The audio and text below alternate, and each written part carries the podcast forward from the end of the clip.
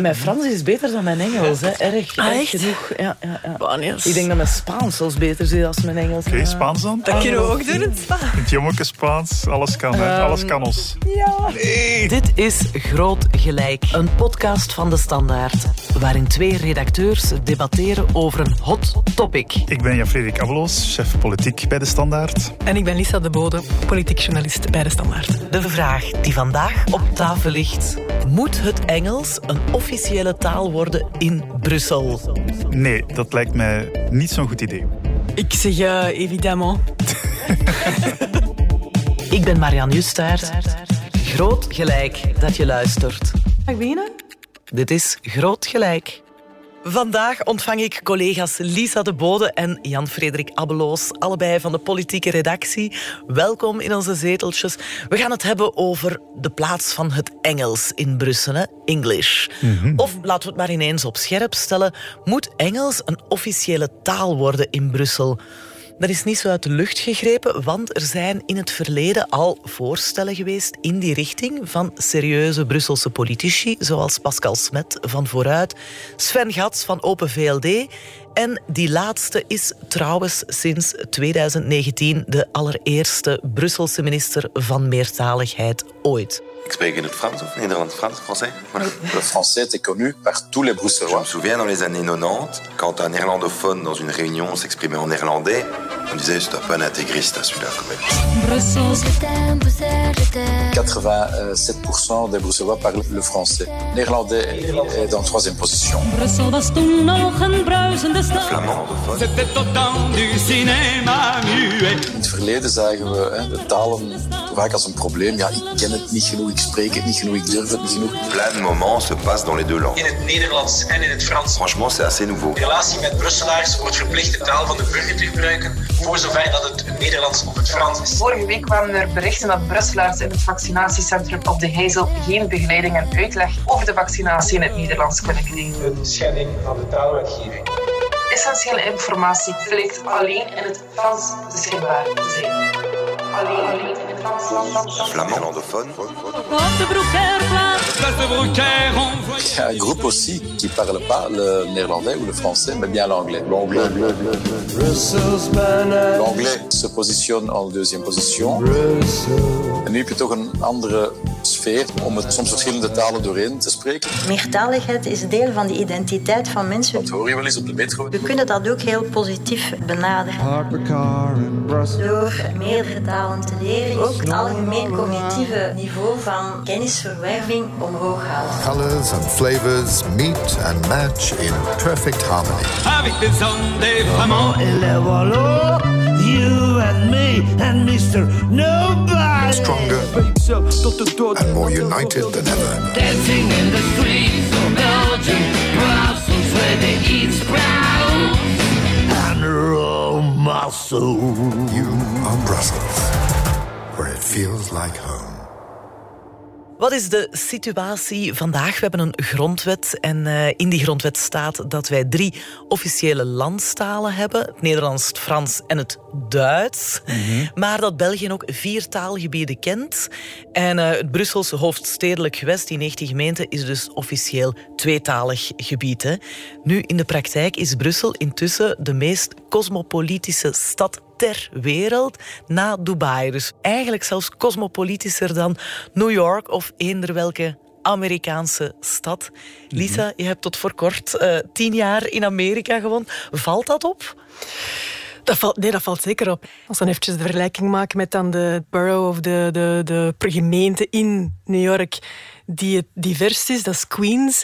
Daar vind je elke taal ter wereld terug, of nagenoeg, is linguistisch heel divers. En de enige manier waarop dat die mensen ook met elkaar kunnen praten, kunnen communiceren, is het Engels. Dat is een brug en dat is een verbinding. En eh, ik denk dat dat hier in Brussel eigenlijk de facto ook al zo het geval is. Of toch vaker dan we willen toegeven, misschien. Ja, wel, we zullen eens kijken hoe het staat met het gebruik en de kennis van ja, de, de officiële talen hier in Brussel. Het Nederlands, het Frans. Daar hebben we cijfers van, want VUB-professor Rudy Janssens, die recent overleden is, hield twintig jaar lang de Brio Taalbarometer bij. Wat kunnen we daaruit leren, Jan-Frederik? Wel, ik denk als, uh, als je de cijfers bekijkt, is er ook een verschuiving aan de gang, waarbij dat bepaalde talen binnen dat meertalige, veelkleurige Brussel wat stiefmoederlijker worden behandeld. Maar laat dat net onze twee landstalen zijn, uh, waarbij dat Franstalige Brusselaars ondertussen nog maar voor 10% echt goed Nederlands spreken. En als je omgekeerd kijkt naar het aantal Nederlandstalige Brusselaars die goed Frans spreken, ook dat aandeel is aan het verkleinen tot onder de 70 procent. Dus tussen die twee groepen zit er ook nog een heel grote kloof. Het resultaat is wel, dat, die indruk krijg je dan toch wel, dat dat gat dat geslagen wordt, of dat vacuüm, wordt dan inderdaad in de feiten door het Engels vooral opgevuld. Mhm. Maar de vraag is, is dat een situatie waar dat je vervolgens bij neerlegt? Mhm. Of moeten we dat proberen te Want counteren? In, in, de praktijk is, zo begreep ik het toch uit die brio-taalbarometer, het Engels intussen de tweede taal geworden. Hè? Voor, Zeker voor jongeren. Hè? Ja, dus uh, Franstalige Brusselse jongeren kunnen beter Engels dan Nederlands. En mm Nederlandstalige uh, jonge Brusselaars kunnen beter uh, Engels dan Frans. Hè? Ja, het zegt iets over de, de manier waarop we met z'n allen, ik ook, ja, het vizier richting het westen hebben staan, richting eh, de UK, richting de VS. Daar komen natuurlijk nog altijd de voornaamste cultuurproducten naar ons toe. Series, muziek, eh, boeken. Maar we zijn hier ook wel in het hart van Europa. Hè? We hebben hier de Europese Unie. Mhm. Daar is ook altijd Engels wel uh, de verbindende taal. Mhm. um, zou dat een invloed hebben gehad of nog steeds hebben? Ik denk dat dat zeker een invloed heeft. Het aantal mensen van, van niet-Belgische origine die in België werkt, is, is groot. Maar ook uh, mensen wier thuistaal geen Nederlands is of geen Frans is. Dat aantal is ook heel erg gestegen. En dan is de vraag van ja, welke verbinding bied je aan is dat een taal waarbij er ook een zekere geladenheid komt te kijken. Mhm. Waar ga ik mijn kind, waar stuur ik ze naar school? Is dat in het Nederlands, is dat in het Frans? Mhm. In welke taal heeft mijn kind het meeste kans dan op werk achteraf of naderhand? Dat is dan de vraag die gesteld wordt. En dan is het misschien wel zo dat op de lange termijn het Engels daar dan wint. Mhm. Ja. Ja, het is ook wel een van de argumenten die wordt aangehaald in die Europese Unie-discussie. Want ook dat leeft. Hè. Dus nu, na de brexit, is het aandeel Europese onderdanen die Engels als moedertaal heeft, gezakt van een, een 13% tot 1 à 2%. Het Engels is maar alleen in Ierland en in Malta, twee redelijk kleine lidstaten, een officiële taal. En toch blijft dat in de praktijk de taal die uh, gesproken wordt door al de mm -hmm. eurocraten, mag ik het even zo noemen. En um, ja, zowel in het NRC als in onze eigen krant uh, is daar een uh, vurig pleidooi voor verschenen door Gaston Dor, een Nederlandse taaljournalist. Die zei, ja, laat ons dat toch maar de lingua franca maken van Europa, want mm -hmm. het is een neutrale taal en je kan er overal mee weg. Voilà. Ja, het wordt ook binnen België zelfs uh, geopperd. Hè, onder andere door mensen als Bruno de Wever. Die in het uh, hele Rebel-initiatief uh, wordt dat soms gezien als de... Ja, hoe moet je dat zeggen? De magic, de silver bullet. Dat is Engels trouwens. om ervoor te zorgen dat, dat we weer één worden in België. Dus niet Nederlands spreken, niet Frans, niet Duits. Maar laat ons van Engels een nieuwe verbindende taal maken. Dat heeft natuurlijk iets artificieels. Hè. Er is niets Engels aan onze Belgische geschiedenis. Het is maar het blijft een importtaal omwille van het feit dat de Verenigde Staten na de Tweede Wereldoorlog de globale hegemon zijn geworden. Is dat een zeer succesvol exportproduct geweest, maar het blijft wel een importproduct in onze kontrijen. Maar bon, het is op dit moment een heel succesvolle invasie. Ja. Goed, maar draai het misschien even om. Na al die jaren emancipatie zijn we dan niet klaar om Engels als volwaardige taal of, of naast het Nederlands te kunnen dulden. Zijn we dan nog altijd niet zeker genoeg van onszelf? Daar ben ik dus niet helemaal van overtuigd. Zeker in Brussel, want het is toch vooral in Brussel dat de discussie zich nu afspeelt. Als je hier het Engels als officiële taal erkent. Wat wil zeggen dat je dus aan loketten ook verwacht dat ambtenaren het daar gaan spreken. Dat je documenten in het Engels kunnen worden opgevraagd in hoeverre dat dat toch geen verdringing gaat hebben ten opzichte van zelfs het Frans, maar toch vooral het Nederlands hier in de hoofdstad. Ja, maar misschien is dat niet eerder zo'n verhaal van of-of. Misschien zijn er combinaties mogelijk. Allee, ik denk dat het nu al zo is dat in gesproken taal het Engels en het Nederlands door elkaar gegooid wordt. Als ik met een woordvoerder spreek, ik denk dat de laatste zin die we elkaar stuurden was, ik vroeg van ja goed, uh, wanneer gaat dat evenement plaatsvinden? Dan vroeg ik van uh, enige indicatie as to when déjà? En dan antwoordden ze van nee, uh, dat wordt beslist op de Codeco, merci. dus ik denk dat er al heel veel... Um, je bent al een echte Brusselse antwoord, Lisa. dus om maar te zeggen, de, de mengvormen zijn mogelijk misschien. Ja. Wat is de plaats van het Engels in de toekomst? In Brussel bedoel ik dan. Natuurlijk heeft het taalgebruik in Brussel ook wel gevolgen in de andere gewesten. Zeker in de Vlaamse rand rond Brussel. Maar vandaag focussen we even op het hoofdstedelijke gewest. Zoals altijd in Groot Gelijk trokken we de straat op om te horen wat de mensen ervan denken. De vraag is, vinden jullie dat Engels een officiële taal moet worden in Brussel? Dat is een goede vraag. Uh... Ik vind van niet, want uh, België heeft al genoeg talen, Frans en Nederlands. Dus het is al ingewikkeld genoeg voor mensen. Ik ben Ivo, ik ben getrouwd vandaag. ik vind van uh, niet. Dat wordt wel gesproken, maar ik vind dat het niet officieel moet worden. Ik ga ervan uit, ja, als, als het dan een officiële taal zou worden in Brussel, dat je dan ook het een officiële taal zou moeten maken in België. Anders uh, zou dat problemen opleveren. Je suis Ivo, je suis marié. Ik vind dat dat geen officiële taal moet worden, maar dat mag wel een algemeen gesproken taal worden. Engels is eigenlijk internationale taal, dus dat wordt overal gesproken. Dat betekent niet dat dat moet officieel, officieel worden. Ik ben voor de eigenheid van elk, elk land. land moet zijn eigen taal hebben. Ik vind als je te veel richting uniformisatie gaat, dat je dan die rijke culturele verscheidenheid, dat je die verliest. Moet Engels een officiële taal worden in Brussel? Absoluut, want dat is het sowieso al. Uh, we werken momenteel als werkende mensen hier in Brussel al eigenlijk met een derde taal. In mijn job moet ik altijd Engels praten. Ik werk hier in Brussel en daar is de algemene taal Engels. België is België omdat we hier uh, verschillende talen spreken. My name is Ivo, I'm married. dat zou ja, voor veel Nederlandstalige mensen, misschien ook veel Franstalige mensen gemakkelijker zijn qua communicatie, omdat veel Nederlandstaligen geen Frans willen leren of omgekeerd. Ik woon hier al sinds ik klein ben. Ik heb in Molenbeek gewoond, ook uh, die bij Schumann woon ik nu. Ja, dat heeft er altijd al bij gehoord en uh, charmant. Ja.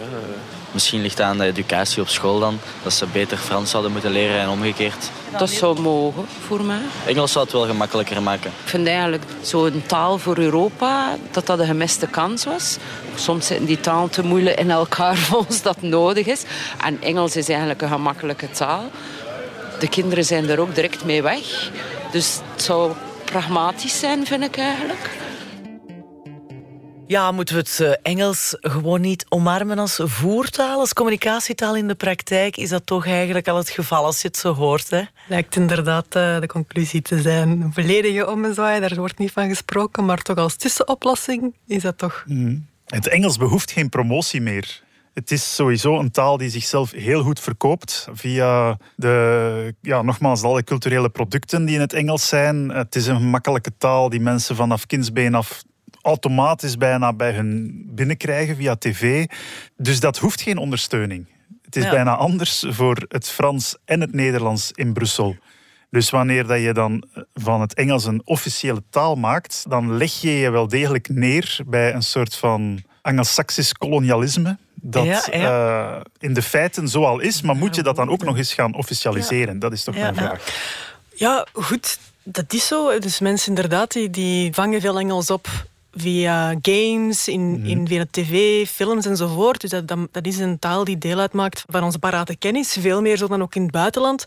Maar dan is het zo, dan vraag ik mij af, van, we moeten ons behoeden om niet te zeer de Franse toer op te gaan. In die zin dat we alle externe elementen gaan weren. En in een mm -hmm. soort van situatie terechtkomen van diglossie. Hè, waarin het afstand tussen een gesproken taal en een geschreven taal heel groot is. En een soort van ja, een wereldvreemd taaltje gaan spreken, dat is ook de bedoeling niet. Het is soms minder een keuze dan, dan je zou kunnen vermoeden. Dat zegt tenminste professor Philippe van Parijs, de bekende prof van Picnic the Streets. Die beweging die vocht voor een Autolu Brussel. Maar ook de man die al jaren pleit voor meertaligheid. Hij was in 2013 al betrokken bij het Marnix-plan. Beetje de voorloper van wat we nu de Raad voor Meertaligheid noemen. En sinds die er is, is hij er de voorzitter van. Volgens Van Parijs zullen mensen altijd onder elkaar de taal spreken die in het voordeel is van de meest benadeelden. En dat is dus geen keuze, maar een automatische dynamiek die het Maximin-principe heet. Zo legde Van Parijs mij uit. We gaan systematisch die taal kiezen die het best gekend is door de persoon die die taal het minst goed kent. En waar u en uh, wij allemaal in België al uh, honderden keren ervaring mee hebben gehad, als een typische Waal, een typische Vlaming tegenkomt. En die typische Waal is van goede wil. En hij begint door te zeggen, uh, ik graag Nederlands spreken, ik vind een Nederlandse mooie taal. Ze gaan zo een beetje voort en na drie zinnen zal de Vlaming zeggen Oh, écoute, avec un Wallon comme toi, j'ai vraiment pas de problème à parler le français. En wat gebeurt er dan? Dat is dat om het gesprek minder moeizaam te maken, dan gaan we overgaan naar een taal die beter gesproken is door de persoon die die taal het minst goed spreekt. In dit geval de Vlaming die beter Frans spreekt dan de Waal Nederlands spreekt. En op het einde van het gesprek kent de Vlaming het Frans nog een beetje beter dan in het begin. Want je, leert een taal en je houdt die bij door te spreken. En Nederland van de Franstaligen is nog even pathetisch op het einde als in het begin. Wanneer er dan bij die twee mensen nog een Hongaar binnenkomt die waar Russisch kent, uh, Hongaars heel goed kent, uh, helemaal geen Nederlands, maar heel gebrekkig Frans, dan uh, zijn Engels is beter. En als de Waal en de Vlaming ook wat Engels kennen, zullen ze dan het Engels beginnen te gebruiken. Het is zo dat de sterkere talen, de meest gekende talen, dan zich steeds meer verspreiden. En het is ook daarom dat we die explosie van de kennis van het Engels in de jongere generatie hebben, omwille van de contacten over de grenzen heen. Dat verklaart ook waarom men iets zoals een taalterritorialiteitsprincipe nodig heeft om zwakkere talen te beschermen. Het Catalaans tegen het Spaans, het Frans tegen het Engels in Canada en het Nederlands historisch tegen het Frans in Vlaanderen. Want anders gaat die sterkere taal dan omwille van die maximum-dynamiek de zwakkere taal steeds verder wegduwen. Ja, ik, ik snap het volledig. Het zou ook niet mijn uh, pleidooi zijn om uh, al op zijn Frans inderdaad in het vervolg een computer een telmachine te gaan noemen. Maar het gaat erover dat je het Engels automatisch in het dagdagelijks gebruik heel vaak gaat gebruiken. Zeker in een Brusselse context. En dat gaat een Engels zijn dat ook convenabel is om dat te doen, maar dat gaat geen fantastisch Engels zijn. Ook daar moeten we het wel over hebben. Als het dan effectief de grootste gemene deler is van alle Brusselaars om in te converseren, dan gaat dat geen Oxford English zijn met heel veel nuance. Dan gaat dat steenkolen-Engels zijn, ja, ja. waardoor dat we inderdaad wel kunnen met elkaar overeenkomen welke prijs dat we gaan betalen voor een sjaal.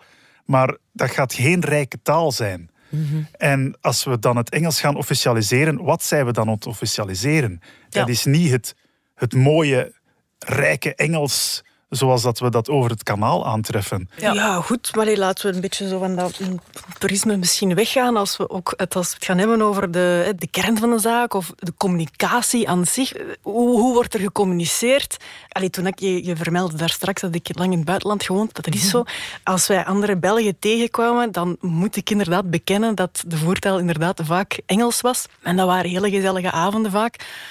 Nu, als we dat in het Nederlands of in het Frans gedaan hadden, ja, dat weet ik niet hoe dat wij ons even hard geamuseerd zouden hebben. Ik denk mm -hmm. dat het Engels ons toch heeft in staat gesteld om, om daar Omdat leuke... het een verbindende taal is, of ja, zeg je, omdat het een gezelligere taal is, een rondere ja, taal? Nee, het, ik denk dat de, de, het, het, element communicatie is hierin ook belangrijk, dat we elkaar verstaan.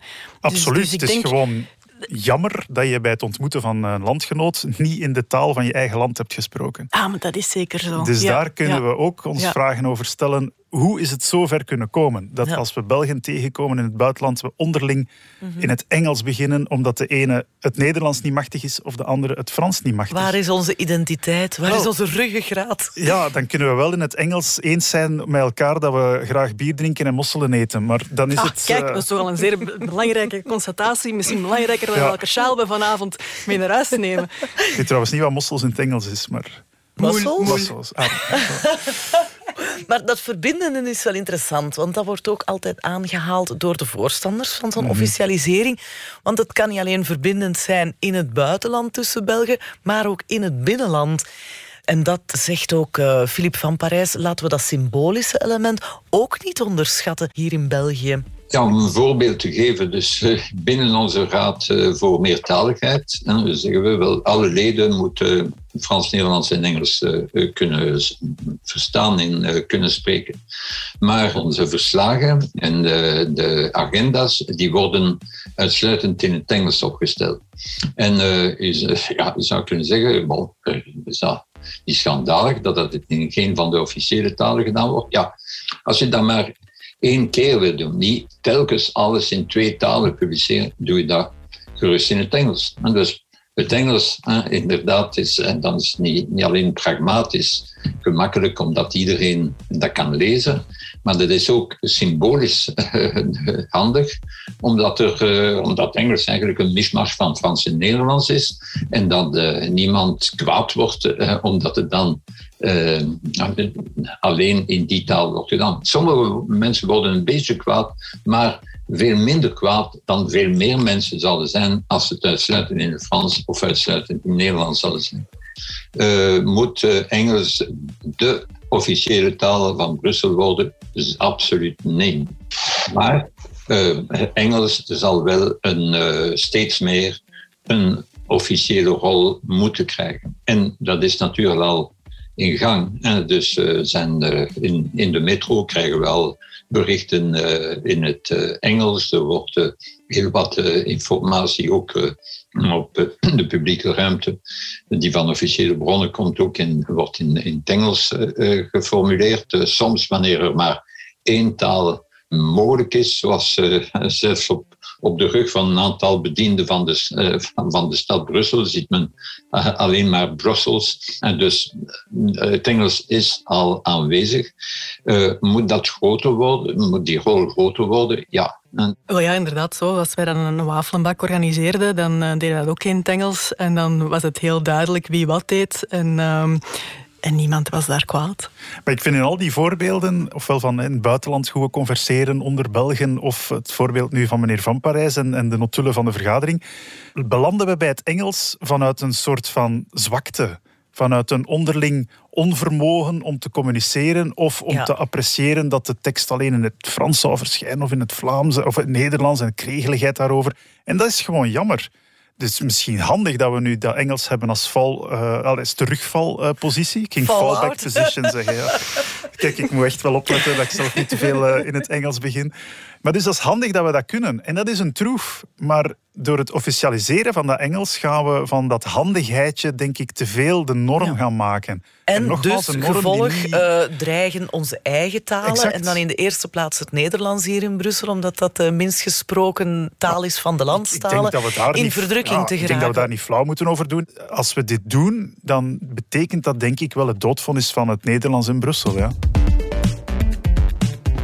Ik vind een officiële taal refereert een beetje naar de origine en uw, roots. Dus uh, nee, eigenlijk niet. Wat is jullie moedertaal? Uh, mijn is Tajiks. Oekraïens en Russisch. Mijn is Arabisch. Als je ziet de mensen die van Marokko naar hier komen, die blijven toch ook Marokkaans praten thuis. Dus ik denk dat dat... Je kiest dat dan, hè? Ik ben eigenlijk Italiaanse. Ik spreek zelf al Engels en Nederlands en helemaal geen Frans. En telkens als ik naar Brussel kom, kan ik niet echt communiceren. Je parle très mal anglais. Donc je trouve que c'est important. Après, je comprends que les gens aient des difficultés à apprendre plusieurs langues, euh, forcément. Mais bon, si ça peut les aider, pourquoi pas. Euh, après, voilà. Euh... Voor het feit dat Brussel zo multicultureel is, denk ik dat dat wel misschien wel geen slecht idee is. Brussel is een wereldstad. En in wereldsteden wordt nu eenmaal Engels gepraat. Ik vind ook wel dat voor toeristen eigenlijk veel makkelijker zo zijn, omdat veel toeristen geen, geen Frans kunnen. Brussel, dat zal altijd wel Frans in hart en nieren zijn, maar als taal is dat misschien wel gemakkelijker om, om Engels in te voeren. Ik denk dat dat natuurlijk al aan het groeien is. Ja. Ik denk dat je dat niet tegenhoudt en dat is, Nee. dat is, dat is fijn. Moi, je pense pas trop que ce soit nécessaire. Enfin, enfin, moi, ça me plaît parce que ça parle français, donc euh, c'est intéressant pour moi. Et euh, puis ça fait une mixité de langues et tout, donc non, moi, euh, pas obligatoire. hein. Ik zou te graag dat Engels een eh, officiële taal wordt. Uh, omdat ik allee, Engels spreek en zo. En uh, Frans vind ik wel moeilijk. En ik, ik heb ook mensen ontmoet die uh, Frans moeilijk vinden en wel beter Engels om te spreken. Als Engels komt, Frans gaat niet verdwijnen. Hè. Frans blijft. Dus dat wordt drietalige land. Uw taal niet kunnen spreken, dat, dat, levert ook mooie situaties op. Gaat je gebaren beginnen te gebruiken, dan gaan de mensen misschien lachen. Nu, ze spreken toch ook Engels overal, zonder dat het officieel is? Daarnet niet. Nee. Er zijn Belgicisten die, die willen niet uh, Engels praten. En die gaan expres uh, praten Nederlands of Frans. Maar ja. En ik ben niet gehecht aan het Nederlands. Nee, nee ik ook niet. Vlaams Belang heeft dat verpest voor mij. Want nu is het al vaak in Brussel, als je het Nederlands ergens begint en ze kunnen geen Nederlands, dan beginnen ze in het Engels. Terwijl dat, dat, ik begin in het Nederlands, maar ik versta perfect dat zij in het Frans spreken. Dus we zouden perfect zo kunnen communiceren. Maar die beginnen dan in het Engels tegen mij. En dan vind ik ook van, ja, precies alsof dat ik geen Frans versta. Iemand als Geert van Istendaal, ook bekend schrijver. Het is ook wel iemand die altijd gestreden heeft voor het Vlaams of het gebruik van het Nederlands in Brussel. Het Nederlands is ook wel beschermd in Brussel. En maar goed ook.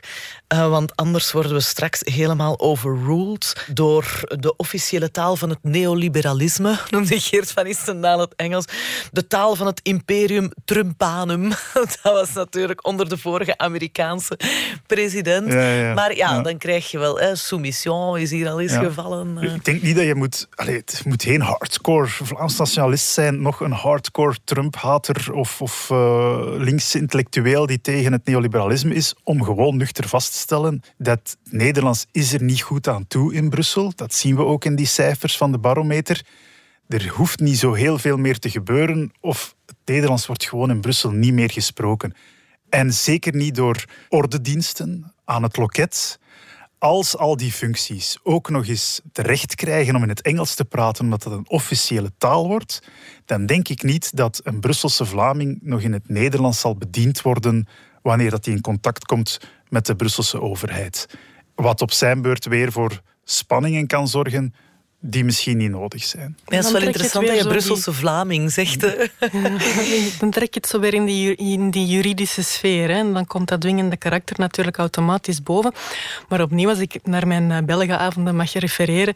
In het begin wordt er natuurlijk veel Engels gesproken, maar zeg later op de avond, dan komt er wel eens mm. Nederlands of Frans bij kijken. Dus misschien is het ook, of, of veel, dus misschien is het ook gewoon een kwestie van uh, die schroom ten opzichte van elkaar een beetje te overkomen en wat meer te durven. Ik begrijp Van Istendaals argument over de imperialistische taal die gesproken wordt, maar toch eventjes belangrijk om te vermelden, het Engels is erin geslaagd om heel veel vernaculars op te nemen in zich als taal, heel veel verschillende dialecten.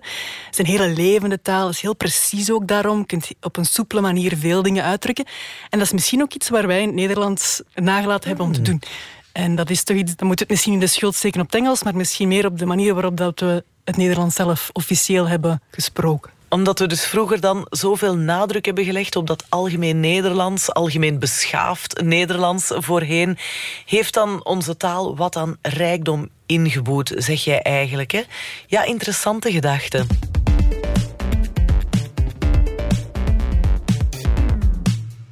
Jij had het net over eh, de taal aan het gemeenteloket, Jan-Frederik. Ik hoorde gisteren nog van collega Joris van Damme dat het bestuur van zijn gemeente Schaarbeek recent beslist heeft om dus inderdaad ook eh, in het Engels te gaan bedienen aan de administratieve loketten. In de Brusselse politiek is taal altijd een ongelooflijk heikel punt geweest. Eeuwenlang was het Nederlands, het Brabants dominant in de hoofdstad. Maar sinds dat uh, het Frans is geworden, hebben de Nederlandstaligen altijd wel gevochten om hun taal te kunnen spreken. Volgens sommigen is de strijd zelfs nog niet gestreden.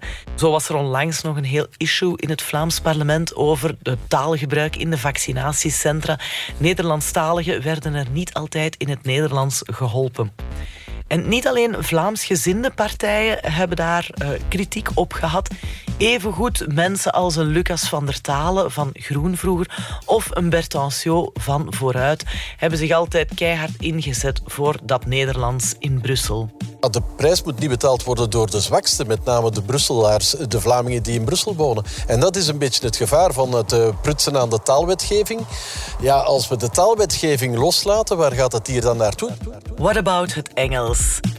Bij de lokale verkiezingen, de Europese verkiezingen, zie je dat veel politici in Brussel al campagne voeren in het Engels, omdat dan ook niet-Belgen mogen stemmen. En eh, ja, qua wetgevend werk, eh, je hebt een Pascal Smet van Socialisten en een Sven Gats, een liberaal, die in het verleden al eh, gepleit hebben pro de invoering van Engels als officiële taal in Brussel. Maar evengoed heeft CD&V bij monden van ex-staatssecretaris Bianca de Baats ook al het Engels omarmd als mogelijk toekomstige onthaaltaal in Brussel. Nu, een echt wetsvoorstel ligt er vandaag bij mijn weten niet op tafel. Lisa, hoe zit het met die politieke gevoeligheid voor taal anno 2022? Ja, Gats is sinds 2019 de eerste minister van meertaligheid in de hoofdstad. Dus dat wil op zich al heel erg veel zeggen. Hij is hier ook voorstander van, sluit zich aan bij Van Parijs zijn argumenten. Ehm, ook vanuit de realiteit die Brussel is, die we in het begin bespraken. Vanuit de bekommernis van mensen, van gezinnen die een andere taal worden meegegeven van thuis uit, zodat zij ook mee kunnen achteraf. Mhm. Ik heb wel de indruk dat het buiten Brussel bij de Vlaamse partijen. Je hoort er minder discussie over. En zeker bij Vlaams-nationalistische partijen is er zelfs wat de houding van. Ja, kunnen wij Brussel loslaten? Want Brussel heeft ons eigenlijk al lang losgelaten. hè. Brussel is, Ja. is eigenlijk een Vlaamse stad als je het bekijkt puur geografisch. Maar in de feiten is dat een stad die wat losgezongen is van de rest van Vlaanderen, waar inderdaad het Engels meer gesproken wordt dan het Nederlands. En wanneer dan de grote debatten ontstaan over hoe gaan we dit land opsplitsen, dan was de Vlaams-nationalistische houding altijd wij houden vast aan Brussel. Maar daar merk je dat daar, dat begint, ja, dat begint te veranderen. Simpelweg omdat de realiteit natuurlijk ons, ons leert dat Brussel geen Vlaamse stad meer is in de feiten. Ja, dat is voer voor een ander, breder debat over de staatshervormingen. Laten we nog even focussen op de taal vandaag. In het Brussels regeerakkoord staat de ambitie dat elke jonge Brusselaar op zijn 18 jaar drietalig zou moeten zijn. Nederlands, Frans, Engels. Het is een lange termijn ambitie, uiteraard. Maar is dat in feite in de praktijk niet een beetje hetzelfde als het officialiseren van het Engels? Dat is natuurlijk een ambitie dat je alleen maar kan toejuichen. Hè. Mocht iedereen, trouwens in heel België, op zijn 18 afstuderen met een meer dan behoorlijke kennis van het Nederlands, het Frans en het Engels. Ja, dat is de beste wereld waar dat we dan zouden in wakker worden. Maar Zelfs al is het steenkolen-Engels. Ja, Kijk, dan sluit jij je aan bij mijn standpunt, collega. Nee, nee, nee, nee, helemaal niet. Want het, is- het begint met het feit dat die onderlinge kennis van de landstalen die nu al officieel zijn, gewoon op 18 jaar te wensen overlaat. Ja. Aan beide kanten van de taalgrens. Dus laat ons daar in eerste instantie op werken. Vooraleer dat we een derde taal in de mix gooien, die we ook niet gaan beheersen. Ja, maar nu is het wel zo dat onderzoek ook heeft uitgewezen dat als je werkt met de taal die men wel machtig is, Mhm. zij het Arabisch, Turks of Engels thuis, dat dan andere talen ook vooruit gaan. Dat is zo, ja, absoluut. Ja. De vraag is, welke, wat is je finale doel Waar leg van je die de focus? strategie? hè? Ja, welke talen wil je laten Ja. vooruitgaan?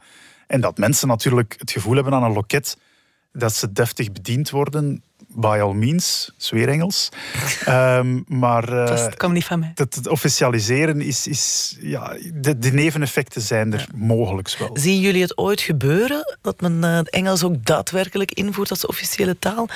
Het voorstel zie ik wel nog komen, maar of het echt eh, de voorgeschreven meerderheden haalt om, om Ja. echt onze taalwetgeving, wat een fundamenteel onderdeel is van de identiteit van je land, om dat echt te gaan aanpassen in die zin, dat zie ik nog niet meteen gebeuren. In Brussel zit je ook, en het was Philip van Parijs opnieuw die mij daarop wees, met een heel specifieke situatie dat vandaag 36% van de Brusselaars, zegt hij, ruim 36%, niet mag stemmen voor de gewestverkiezingen, dus geen Belg is. Maar, zegt hij, als het zover is, ja, dan ga je automatisch een eh, ongelooflijke opmars van het Engels zien. meer dan nu ongeveer 36% van de volwassene burgers van Brussel hebben geen kiesrecht. We gaan zijn steeds verder van het algemeen stemrecht in Brussel.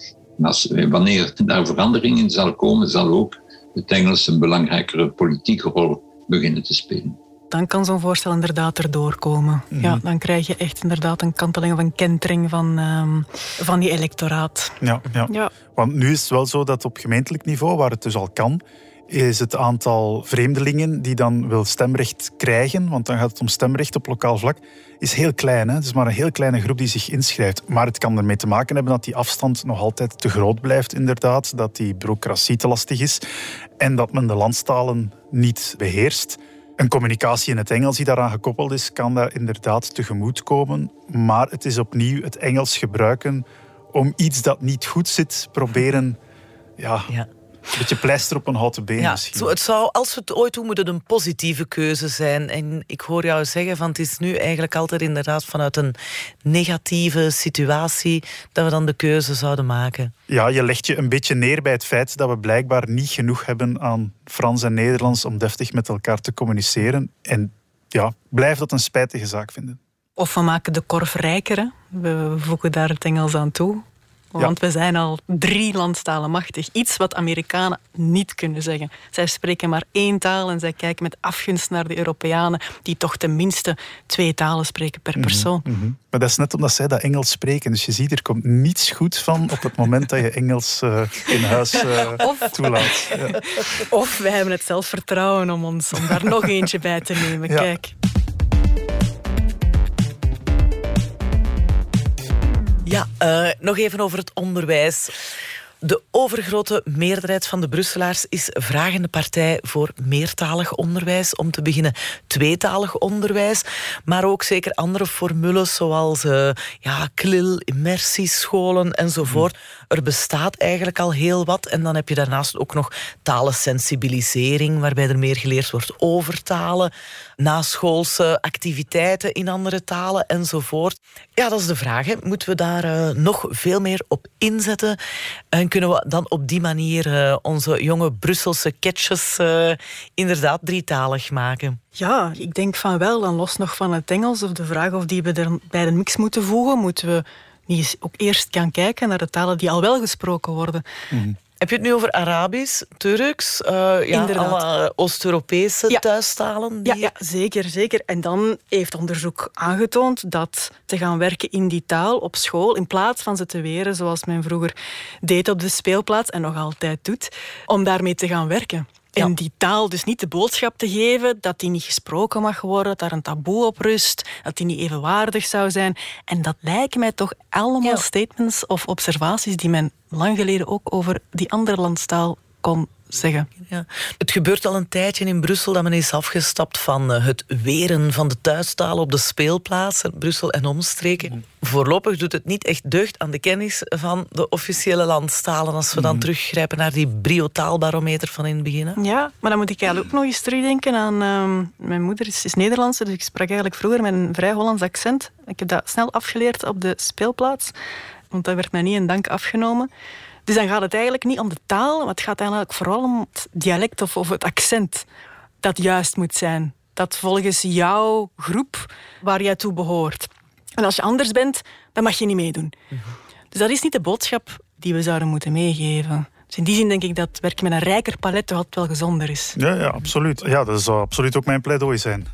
Van Parijs vertelde mij over de kennis van het Nederlands en het Frans onder kandidaat-agenten in Brussel. En dat zijn toch wel hallucinante cijfers. De baas van de politieschool in Brussel gaf me cijfers over de tests die de kandidaat-agenten, dus op het laagste niveau, moeten nemen om aanvaard te worden op die school. En voor de taaltest, die genomen worden in de taal van het secundair onderwijs van de kandidaat, daar slagen 66% van degenen die uit het Franstalig onderwijs komen voor die taaltest. Maar degenen die van het Nederlandstalig onderwijs komen, slagen maar 21%. Dus drie keer minder. Dat is omdat sommige van de zwakkere leerlingen, hè, die niet tot op het einde van het secundair onderwijs geraken en dus op niveau van agent solliciteren. Hun niveau van Nederlands is niet goed genoeg om een eh, PV, ja, een procès-verbaal te kunnen schrijven in het Nederlands. Dat is jammer. Dus daar, ja, nogmaals, dat zou effectief eh, het beginpunt moeten zijn, denk ik, van deze discussie. Dat de kennis van de bestaande, huidige landstalen echt te wensen overlaat. En dat we alle middelen moeten aanspreken om dat te counteren. Er wordt bijvoorbeeld ook gesproken van eh, Erasmus in eigen land. Hè. Laat Mhm. verplicht, of eh, verplicht biedt aan dat jongeren de, de taalgrens kunnen oversteken. Want dat is ook zo een grens die moeilijk overgestoken geraakt in dit land. En zeker ook in Brussel. Zorg ervoor dat je, dat je kan beurzen aanbieden, laagdrempelige pakketten, educatieve tools die kinderen al van jongs af aan helpen om op zijn minst één van de twee landstalen machtig te worden. In het beste geval zowel het Nederlands als het Frans. Maar één van de twee zou al natuurlijk mooi zijn. En is het haalbaar? Want in Brussel zit je natuurlijk met de situatie dat ehm, op twintig jaar tijd de bevolking zich volledig vernieuwd heeft. Hè. Het is een Mhm. voortdurende va-et-vient.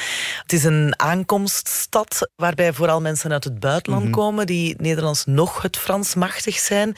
En als ze dan op een gegeven moment vertrekken, want zelden eh, blijven mensen heel hun leven in Brussel wonen, dan kunnen ze het wel, maar dan heb je weer nieuwe mensen die binnenkomen die het weer niet kunnen. Dus Ja, absoluut. En dan zit je inderdaad met het feit, zoals Alice al zei, dat Engels is natuurlijk een, een, een betere gok om te nemen. Van als ik hier toch een vreemde taal ga leren die niet de mijne is, laat ik dan het Engels kiezen. Dan kan ik nadien, als ik weer verhuis, eh, waarschijnlijk nog altijd mijn voordeel mee doen. Terwijl als ik dan Nederlands leer, ja, bon, eh, wat is dan de volgende stap? Amsterdam. Maar goed, dat is een feit, dat is een gegeven. Dat Engels, dat promoot zichzelf. Hoe zorgen we ervoor dat, zoals wanneer mensen in New York arriveren, dat ze het maar logisch vinden dat ze binnen het jaar Engels kunnen. Als mensen naar Brussel komen, dat ze even goed binnen het jaar Frans kunnen. Het hoeft niet zoveel moeilijker te zijn, denk ik. Ik kan me daar alleen maar bij aansluiten. Ik vind dat ook een mooie filosofie. Dat iedereen, of toch tenminste één landstaal, machtig zou zijn. Als het Engels daarbij kan helpen, als brugje, ja, dan moeten we dat toch ook alleen maar kunnen omarmen, denk ik dan. Maar zal het helpen? Ja, professor Philippe van Parijs die gelooft wel dat het Nederlands niet snel zal verdwijnen in Brussel. Omwille van het feit dat Brussel helemaal omringd is door Vlaanderen en dat het Nederlands de enige officiële taal in Vlaanderen is, is het mogelijk, is het realistisch om de Brusselse kinderen, Brusselse leerlingen en Brusselse bevolking drietalig te maken. Dus niet alleen tweetalig Frans-Engels, dus de twee meest gesproken talen in Brussel, met het Nederlands erbij, maar we moeten dat wel slim aanpakken.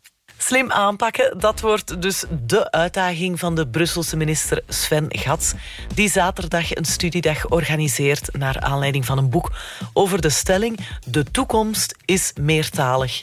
Akkoord? Absoluut.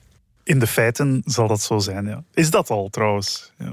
Oké, boeiend debat. Ik vond het heel plezant en leerrijk. Hartelijk bedankt, Lisa en Jan-Frederik. Graag En gedaan. zeker tot de volgende Dank keer. je wel, graag gedaan.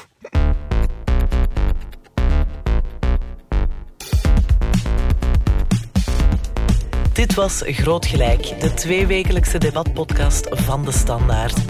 Bedankt voor het luisteren. Je mag altijd reageren, graag zelfs op podcast.standaard.be. En ook nieuwe ideeën zijn daar heel erg welkom. Wij zijn er terug op dinsdag 22 februari. Hopelijk tot dan. Dag.